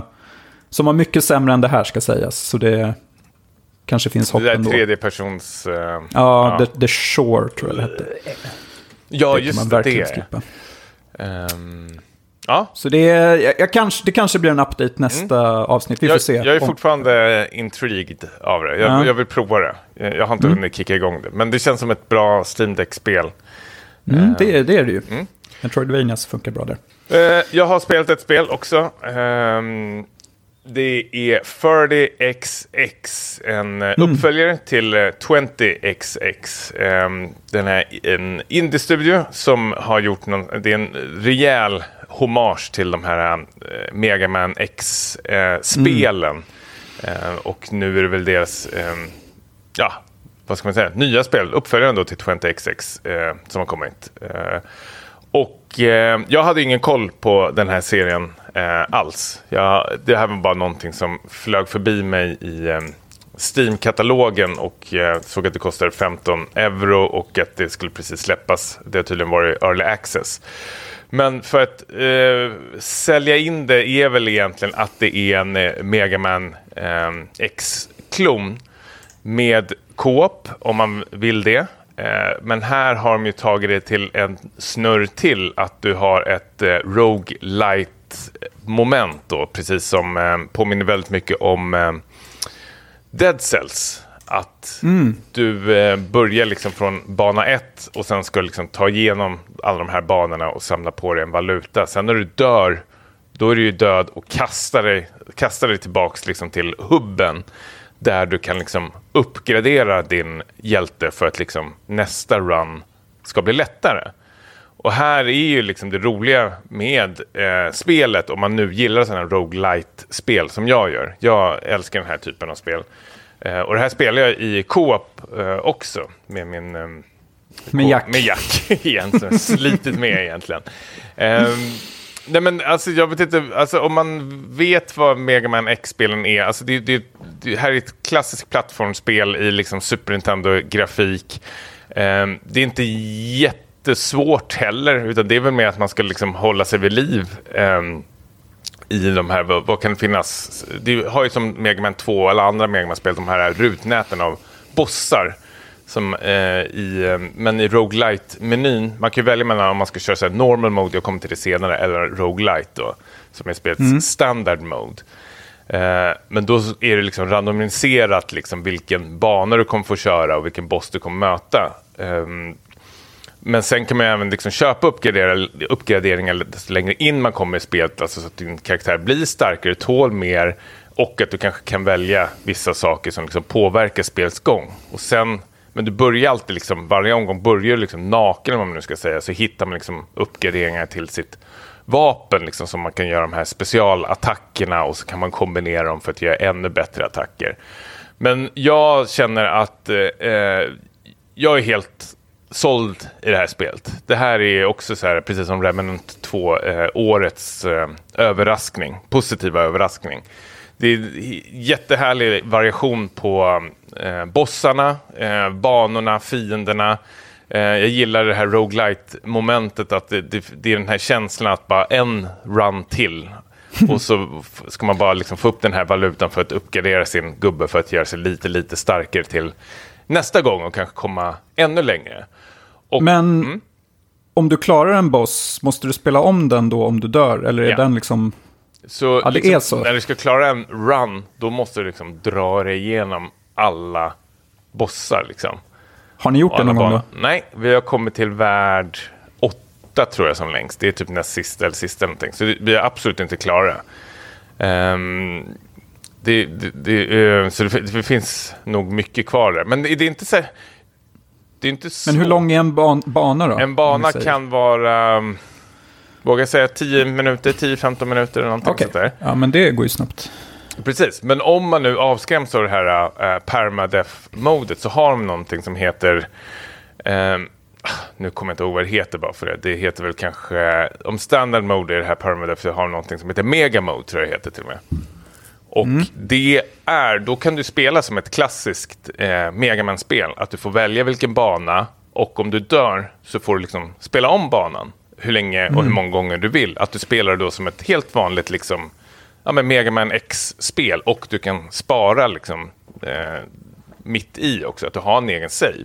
Och det tycker jag ändå är bra. Då liksom får eh, liksom spelarna, alltså då har de även liksom lyckats med att bjuda in eh, alla typer av spelare. Spelare som liksom hatar roguelike men även liksom sugen på någon slags megaman-spel så kan ju de köra det här megamode. Eh, ja, vad heter det? Modet. Då. eh, och folk som gillar roguelite kan ju köra den där standard mode och sånt. Eh, så jag är, om du gillar Megaman, om, du, om man gillar plattform, eh, absolut en eh, rekommendation det här, 40XX. Eh, och det gör sig... Men tror du att, tror att du skulle gilla det även om, det var, om du inte spelade co-op? Jag har provat spela single player eh, och det är uh -huh. jättekul också. Det funkar okay. jättebra mm. eh, utan co-op faktiskt. Eh, ja, men jag, jag, är superimponerad, supernöjd. Jag, också så här, jag vet inte om det finns så mycket att säga. Det finns ju ett level editor att spelare nu kan göra sina egna banor och eh, lägga upp dem precis som Mario Maker. Men det har inte jag liksom provat än, utan det blir väl det sista man gör, tänker man. Mm. Eh, men det är väl för att liksom hålla igång communityt antal, eh, lite längre när man har klarat spelet. Men jag kommer absolut spela klart det här spelet. Eh, jag har hur kul som helst med det. Ehm, det är ja, bra musik, det är tight, bra spelkontroll. Mm. Lite lite rörig UI kanske till en början. Liksom. Man märker att det är ett indiespel, att det känns som typ det är en person som har gjort det. Jag vet inte hur många det är, men det är liksom eh, vissa gränssnitt känns väldigt så här, äh, in, inte så jättelyxiga. Eh, men det, man, man kommer över det på grund av den tajta spelkontrollen och det roliga liksom, eh, banorna och allting annat runt om. Um, nej, men det, betygmässigt så är det ju fyra av fem. Jag har spelat på eh, Steam, men jag vet att det ska komma till switchen. Mm -hmm. 20XX finns ju till Playstation och Xbox, men det här mm. eh, tror jag bara kommer till, eh, nu kan jag helt fel, till eh, Switch och eh, ja, Windows, Nintendo Switch. Och det kostar typ så 16 dollar, någonting, 150 spänn kanske, 160 någonting där. Det är absolut värt eh, för pengarna. Det ser otroligt charmigt ja. ut. Man får den här Megaman 2, eller ja, Megaman X då framförallt, men... Kom ihåg när man hyrde Megaman 2 från, från hyrde någon videobutik. Jag hyrde spelet. Hyrde, du fick väl spel klara. hela tiden ju? Nej, inte det. Det fick jag aldrig. Nej, jag hade ju det hemma. Jag kunde lånat av ja, dig, hyrt av dig. Du vaskade pengarna på de här hyr... Jag vaskade ja, dem. e, vad, vad tror du om det här då? Hur känner du? Ja, men det här tror jag, det här skulle jag nästan vilja testa mm. faktiskt. Mm. Uh, Kanske inte i co-op, men... Nej, behöver man Om jag inte hittar någon som verkligen gillar Jag tror ingen vill spela med dig. Jag tror inte det heller. Nej, men prova det. Jag tror du skulle ha kul med det faktiskt. Ja. Um, Absolut. Och det, är inte, det är inte skitsvårt heller, banorna eller någonting. Och det är roliga plattformsmoment, men ingenting man blir sitter och irriterar sig över. Det är väldigt strömlinjeformat och det känns som att man alltid är, liksom kommer fram hela tiden. Mm. Um, jag glömde säga också, det finns ju sådana, precis som Dead Cells, att början av varje bana så kan du ge din karaktär en buff. Men då får du ju liksom en debuff för den här banan också. Det kan ju vara att eh, du gör mer skada, men då kanske fienderna kommer tillbaks efter fem sekunder till exempel. Eh, Ja. Och det är någonting som man själv eh, får välja om man ska ta eller inte. Och sen finns det små, små uppdrag utströsslade på de här huvudbanorna.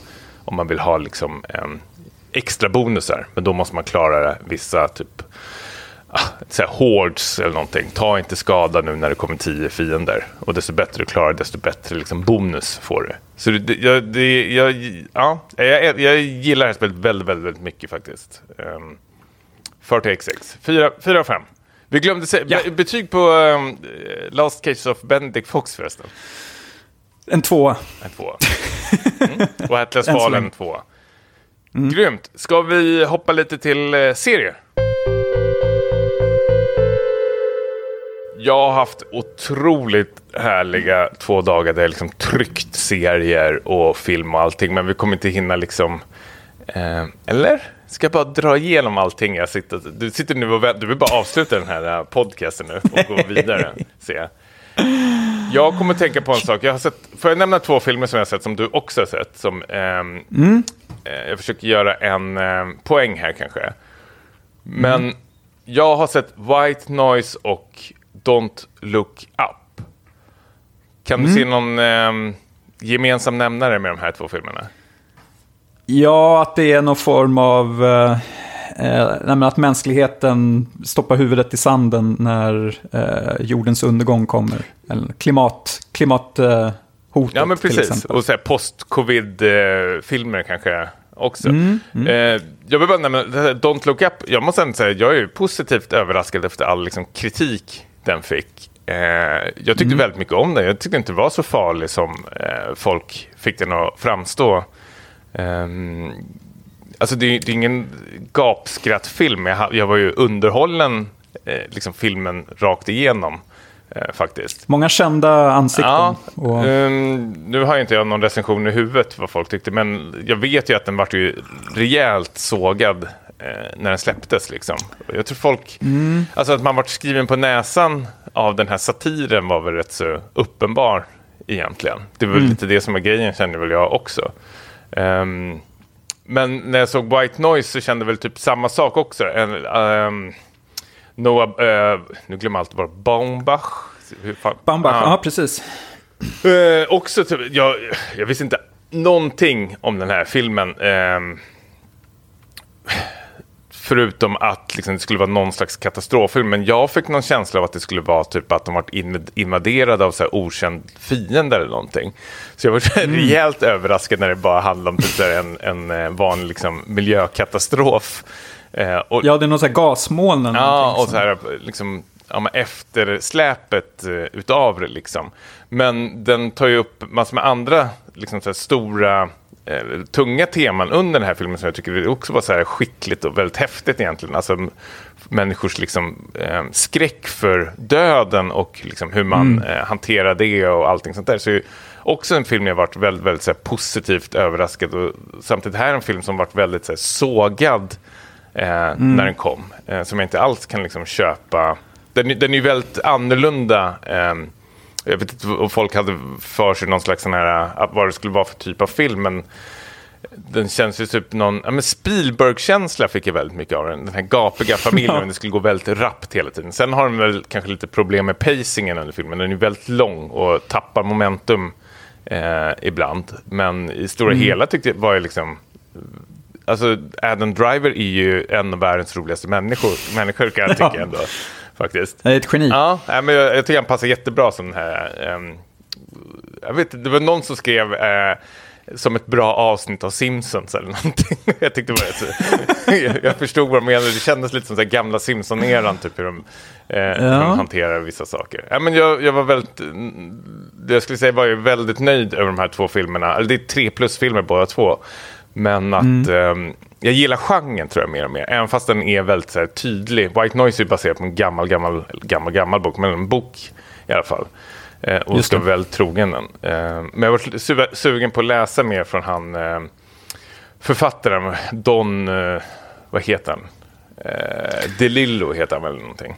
Just det. Cosmopolis eh, och bland annat. Ja, exakt. Som ska vara väldigt... Precis. Där, ja, men han ska väl kritisera väldigt mycket så här, kapitalismen och konsumtionen och sånt där och i USA och allting. Um, mm. Så jag slängde ner faktiskt ett gäng böcker i min Adlibris-grej och beställde.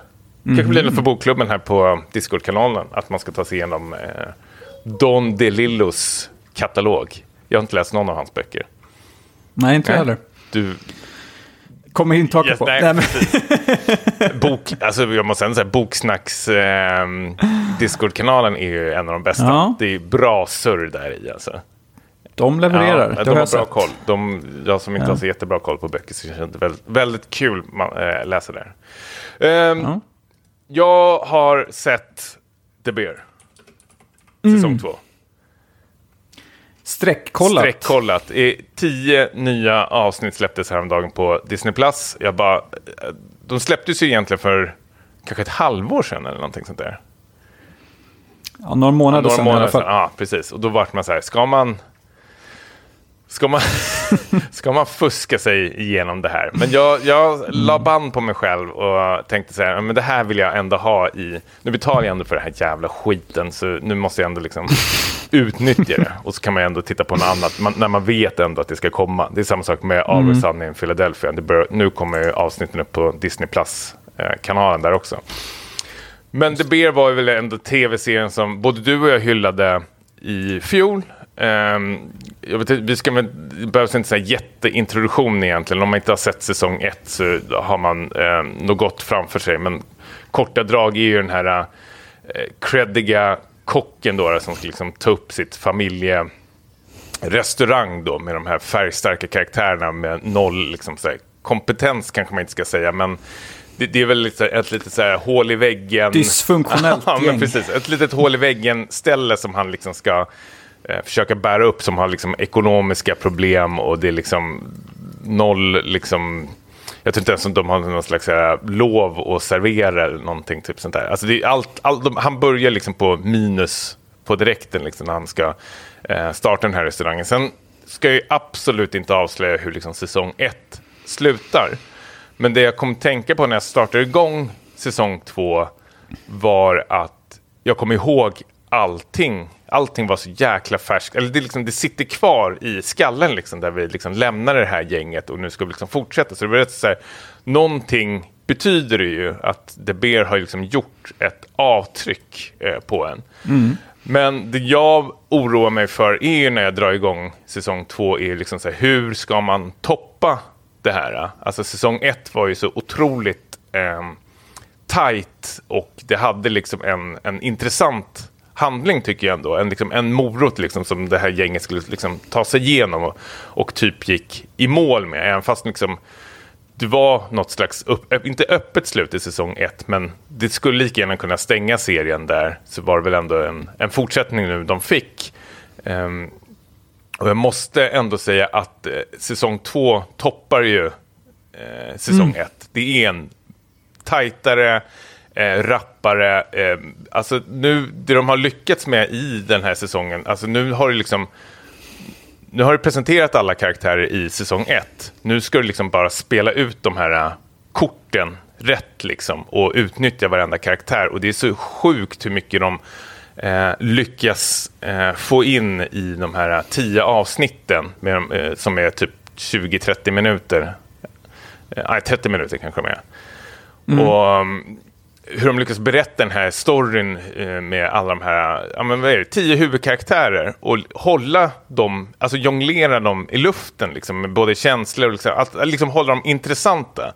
Jag, jag liksom tänker på det, det finns ingenting i den här serien eh, och särskilt den här säsongen, alltså någon karaktär man liksom irriterar sig på eller man känner så här, åh nej, inte det här story-arken eller någonting sånt där. Så mm. Helt plötsligt kan du liksom följa en karaktär som liksom åker till Danmark för att lära sig liksom bemästra liksom mer eh, i eh, desserter. Och det känns så helt otroligt, liksom, musiksättningen och allting, liksom, bilderna i Danmark, i Köpenhamn och dialogen och allting. Allting känns eh, verkligen att de... Ehm, eh, alltså varenda ord, mening känns så jävla viktig och liksom så här, alltså med fingertoppskänsla har de gjort allting. Allting känns relevant, det är inget liksom dött kött, no pun intended. Liksom.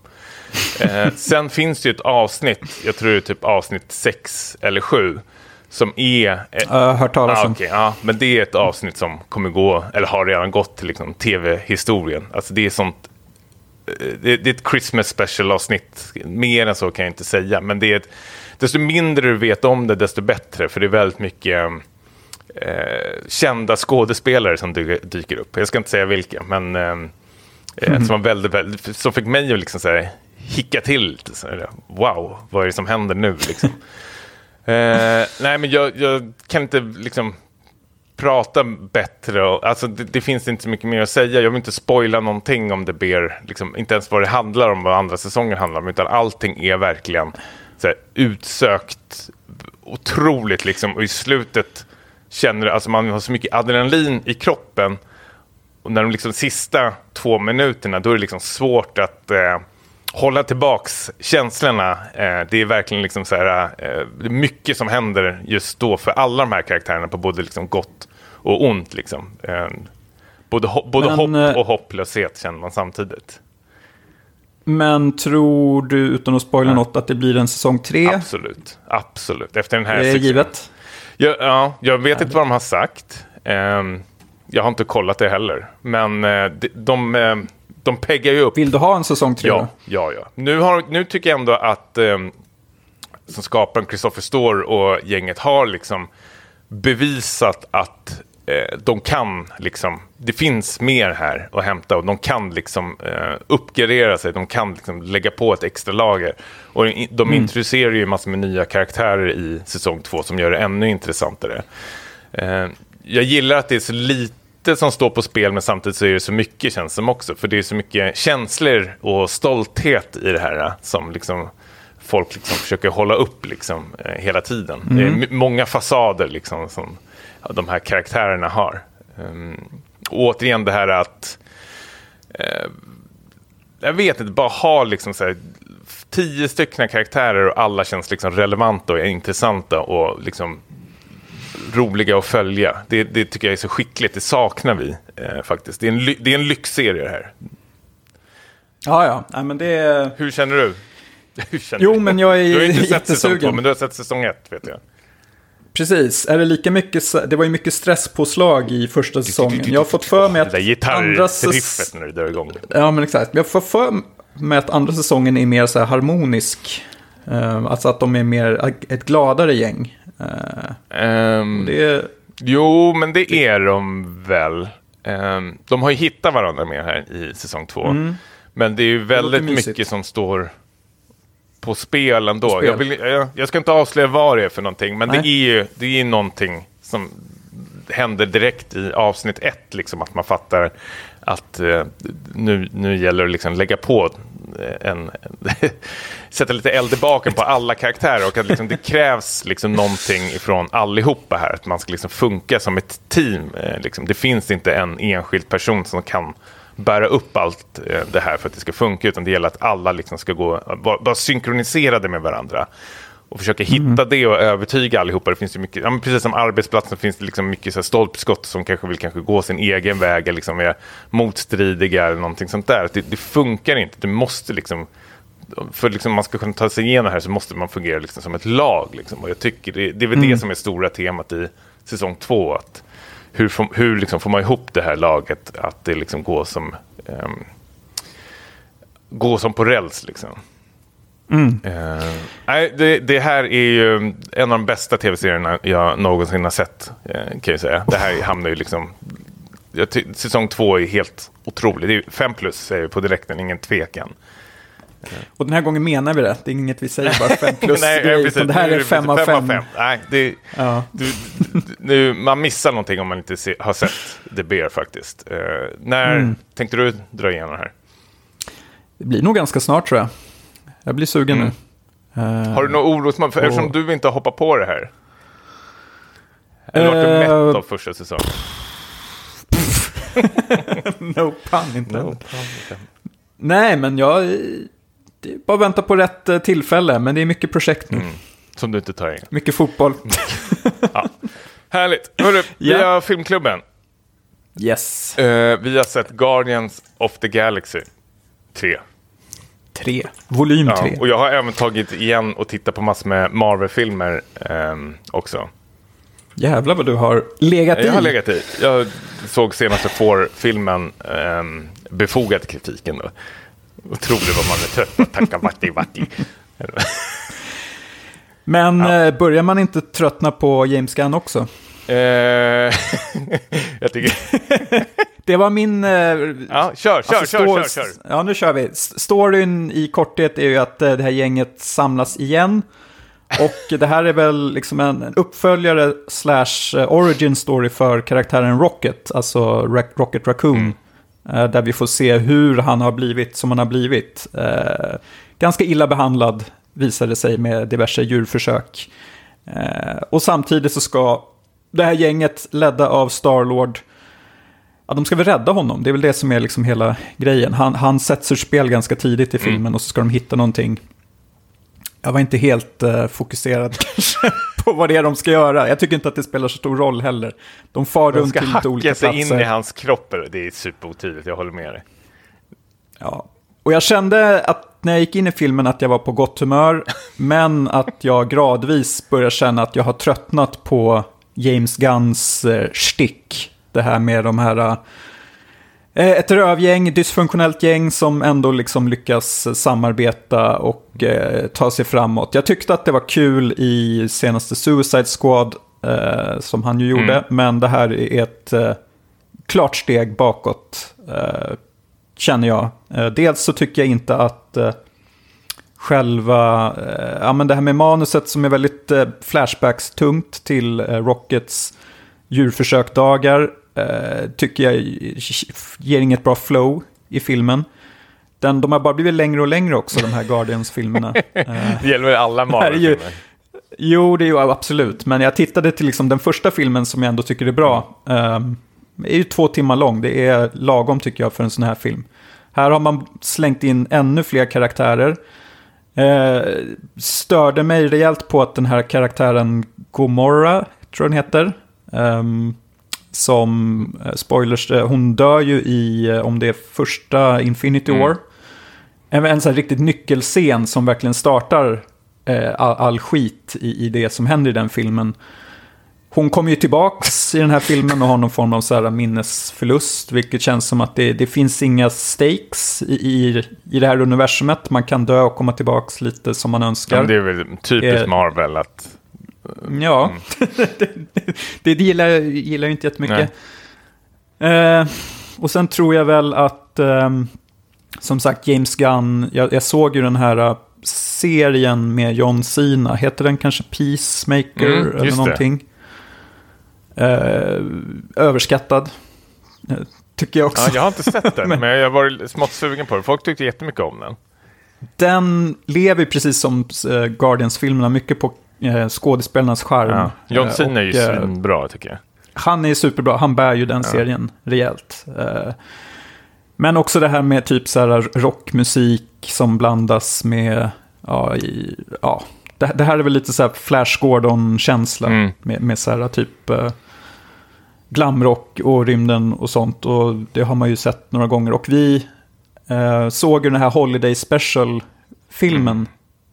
Den var ju ändå lite kul för att Kevin Bacon var med. Jaha, tyckte du? Det här, ty- det, här ty- det här tycker jag är sämre än den. Eh, jag ska släppa in, in dig nu här i, för nu har jag pratat på. Jaha, nej men det gör ingenting. Ehm, nej men jag skriver väl på nästan allting du har sagt här. Alltså det är um, otroligt luddig handling, men jag tycker ändå att, för jag såg ju den här parallellt med Four och någon annan jävla pissdålig Marvel-film. Nu vet jag inte vilken det var. Men jag, bör, jag har ju tappat en hel del Marvel-filmer och tänkte att nu ska jag ta igen inför. Du hör ju själv, jag, jag blandar ihop de här med varandra. Så efter att ha gått från, ja, men, till exempel Ragnarok hette väl, nej, Love and Thunder hette den. Eh, som var bland det största skiten jag någonsin har sett tror jag. Eh, så känns ju det här som kanske eh, mycket bättre ändå. Eh, faktiskt. Att om man ska gå, det behöver inte betyda att det liksom är bra för det. Men det kanske betyder i alla fall att jag uppskattade den här filmen mer i alla fall. Eh, jag tycker ändå James Gunn, eh, jag vet inte hur mycket liksom eh, Disney eh, och Marvel liksom eh, Alltså hur mycket frihet han har i de här filmerna. Det är en tydlig mall de måste hålla. De måste ha de här typen av skämten. För att det är det alla Marvel-filmer. Och det ska finnas en sån här röd tråd i det. Liksom. Um, Men med det sagt så är jag ju rätt så uttråkad mot slutet av filmen. Och jag vet inte egentligen vad det för något, vad, vad filmen hand, vad det för något de försöker. Jag, så här, skurkens motiv och allting känns ju så här otroligt eh, tvåplussigt hela tiden. um, sen, kan, sen tycker jag ändå att här, Chris Pratt och många av de här är ju väldigt charmiga eh, framför kameran ändå. Det finns någonting ändå mm. där. Eh, och om jag får välja ett rövgäng så är väl det här det intressantaste rövgänget i Marvel-universumet. Eh, återigen Four och Forlina, eller jag vet inte vad hon heter. alltså det, det, det, var ju hemskt. Det var ju typ eh, mm. ja, det värsta jag sett. Um, jo, jag håller med om att det här är, håller ju högre kvalitet. Det finns ju personkemi. Mm. En, en formel som man måste sluta med. Jag sitter och tittar på, eller tvingar mig igenom Umbrella Academy just nu på Netflix. Som är också så här, skitserie. Men jag ser det med min fru, för hon har fått för sig att det är, nej, hon tycker inte ens om det. Jag vet inte varför vi tittar på det ens. Men det är sånt där, ser att vi ser ett avsnitt, sen är vi typ utbrända och eh, måste vänta en vecka till nästa avsnitt. Men det är också sånt där rövgäng du ska följa, liksom, som ska vara lite så här klantiga vid sidan om hela tiden. Eh, men någonting, ett, ett grepp som jag är väldigt trött på är väl typ så här eh, när protagonisterna ska slåss i grupp och så säger någon, precis innan de ska slåss, let's get it on. Och så sätter man på typ rock-pop-musik från 80-90-talet så här. Girls generation. Och så ska allting gå i slow motion, så ska allting för, för, vet du vad jag är ute efter? Det ska vara en sån koreografi ja, ja, och kameran ska liksom så svepa runt. Um, och det ska hända väldigt mycket saker samtidigt. Och sen blir det alltid i slutet med samma sak, att det är någon liten grej som händer, att någon blir skadad i alla fall och musiken dör. Liksom. Men det, det känns som Guardian of Galaxy använder den här fem gånger i den här filmen. Liksom, att eh, mm. eh, Let's do this! Och så blir det någon jättedålig, eh, liksom, känd popmusik från 80-90-talet som liksom ska eh, hålla det här montaget när de slåss eh, mot varandra. Um, ja. Ja. Nej, det, det har vi sett ja, eh, till leda. Men eh, på tal om James Gunn, hur känner du inför de här DC-filmerna nu då? Eh, det var väldigt kul att ehm, hon, nu glömmer jag bort vad hon heter nu, från ehm, Wonder Woman. Gal Gadot. Ja, eh, hade väl gått ut typ att hon hade suttit i möte med James Gunn och sagt We love you so much, it will definitely be a third Wonder Woman movie. Klipp till cancel. Jävla taskigt alltså. Det var ju taskigt. Då hade, då hade Gal gått ut med typ och sagt att uh, hon, ja, hon var ju supertransparent. Jag tycker det är rätt bra för henne. Hon är väl den enda liksom, uppkäftiga som vågar stå på sig, känns som, i hela mm. det här DC och Marvel-grejen. Resten är mm. rätt så fega tycker jag egentligen. Mm. Uh, ja, hon har verkligen precis. satt mycket på spel på sin uh, skådespelarkarriär, liksom, att det kan påverka. Och vara... Nej, men hon, hon, hon säger, känns som hon säger väldigt mycket vad hon tycker och tänker om allting. Um, det är uppfriskande. Ja, jag tycker om henne jättemycket faktiskt. Jag tycker synd att hon är väl typ den bästa som DC har haft um, av de här rollerna egentligen. Ja, ja, hon är ju perfekt kastad ja, precis. en stjärna. Jag tycker, henne ska man nästan behålla för Wonder Woman. Ja, han är ju hänsynslös nu, James Gunn. När det mm. gäller att, uh, men de måste väl göra nedskärningar med tanke på att det har gått som det har gått. Mm. Uh, tänker jag. Om det är en uh, reboot utan dess like. Ja, men precis. Ja. Jag, jag är inte jättesugen faktiskt på, på mer av James Gunn. Jag vill se om någon går tillbaka till uh, typ hans första film, Slither heter den va? Ja, Monsterfilmen. Monsterfilm, det var väl ja. hans, hans bästa film. Tycker du? Inte, men, nej, men den, jag minns den som väldigt kul. Ja. Och den var 90 minuter lång, perfekt. Det är så långt det håller, hans liksom, vitsiga dialog. Mm. Det håller inte i två och en halv timme. Jag tycker det var kul när han den här perioden när han varit cancellad för en gammal tweet. Ett gammalt tweet. Typ, när han var fem år gammal eller någonting. Ja, ja det, är, det är hårt. Det var andra tider som man typ saknar lite. När folk kunde bara cancella det. Liksom.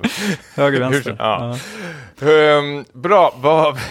Ska vi sätta betyg bara på det här? Jag sätter en eh, stark tvåa då. Ja, men jag har sett en trea ändå. Jag tycker den, eh, för att vara Marvel-film tycker jag ändå det här är bra. Eh, godkänt Mm. ändå. Jag Jo. gillar ändå, jag tycker ändå skådespelarna och sånt är eh, lättsamma att titta på. Ja, det Någonting håller jag med om. Ehm, bra, har, har vi någon film till nästa? Jävlar, Det har vi glömt bort. eh, Ja, uselt förberedda. Är Morbius kul att prata om eller är det... Gräver vi ännu djupare då i det Nej, här? må, måste vi ta mer sånt här skit? Nej, vi kanske ska lyfta oss lite. Men det får vi nog ta off-podd tror jag. Vi får ta det på Discord. Om du inte har något på rak arm som du vill. slänga Jag har på rak arm, som jag, Okej. som jag tycker ändå vi, vi ska, som jag är sugen på att titta på. Eh, Jag vet inte var den finns, men det kanske blir att vi får hyra den då. Okej. Eh, på tal om nörderi, Ja. Dungeons and Dragons. Ja. Ja, men den kan jag absolut tänka mig att se. Den Ja. finns på SF Anytime eller något nu kanske. Ja, men jag, jag, jag har hela... Den är för det första en hyrfilm. Eh, men det är liksom, precis som du säger, via Play, SF Anytime, Apple TV, Amazon. Den finns ju överallt att hyra. Google Play. Ehm, sen finns det säkert eh, i Finns i sjön. Men jag, jag är jättenyfiken på den här, för jag tror det här skulle bli en tok eh, flopp eh, när jag såg trailern på den. Att det här har ingen bett om, men att folk ändå var eh, positivt eh, överraskade över den. Det är ju ingen så här, eh, absolut ingen 5 plus-film, men jag vill ändå se vad det är för något man, vad, vad, vad är det här? Vad, vad är folk ändå så positiva över? Ja, men jag är på. Mm. Ja, men Den tar vi. Då blir nästa då. Och så är det en 2023-film också, så den håller ju till eh, eh, racet för 2023. Mm. Årets filmer. Så det är Dungeons and Dragons, Honor Among Thieves. Med Chris Precis, Pine. det är, det är inte den från 2000. Just det. Det var här, Sagan om ringen-kopia. Jeremy Irons är med. Den har du sett och satt en etta på. Så. Mm. Jag kommer Ja, ihåg. men vad kul. Mm. Bra, då kör vi den. Dungeons and Dragons. Hörru, har du något mer... ehm, säger jag?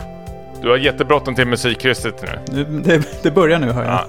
Hör, eh, tack för att ni lyssnar och eh, glöm inte att vi finns på Discord. Sätt gärna betyg på oss på diverse appar och allting. Eh, vi vill bara ha femmer. Resten kan ni Precis. eh, sk- skicka över till eh, spelet. Gotipodden. Gotipodden, liksom. Grymt. ja, ha det bra. Tja!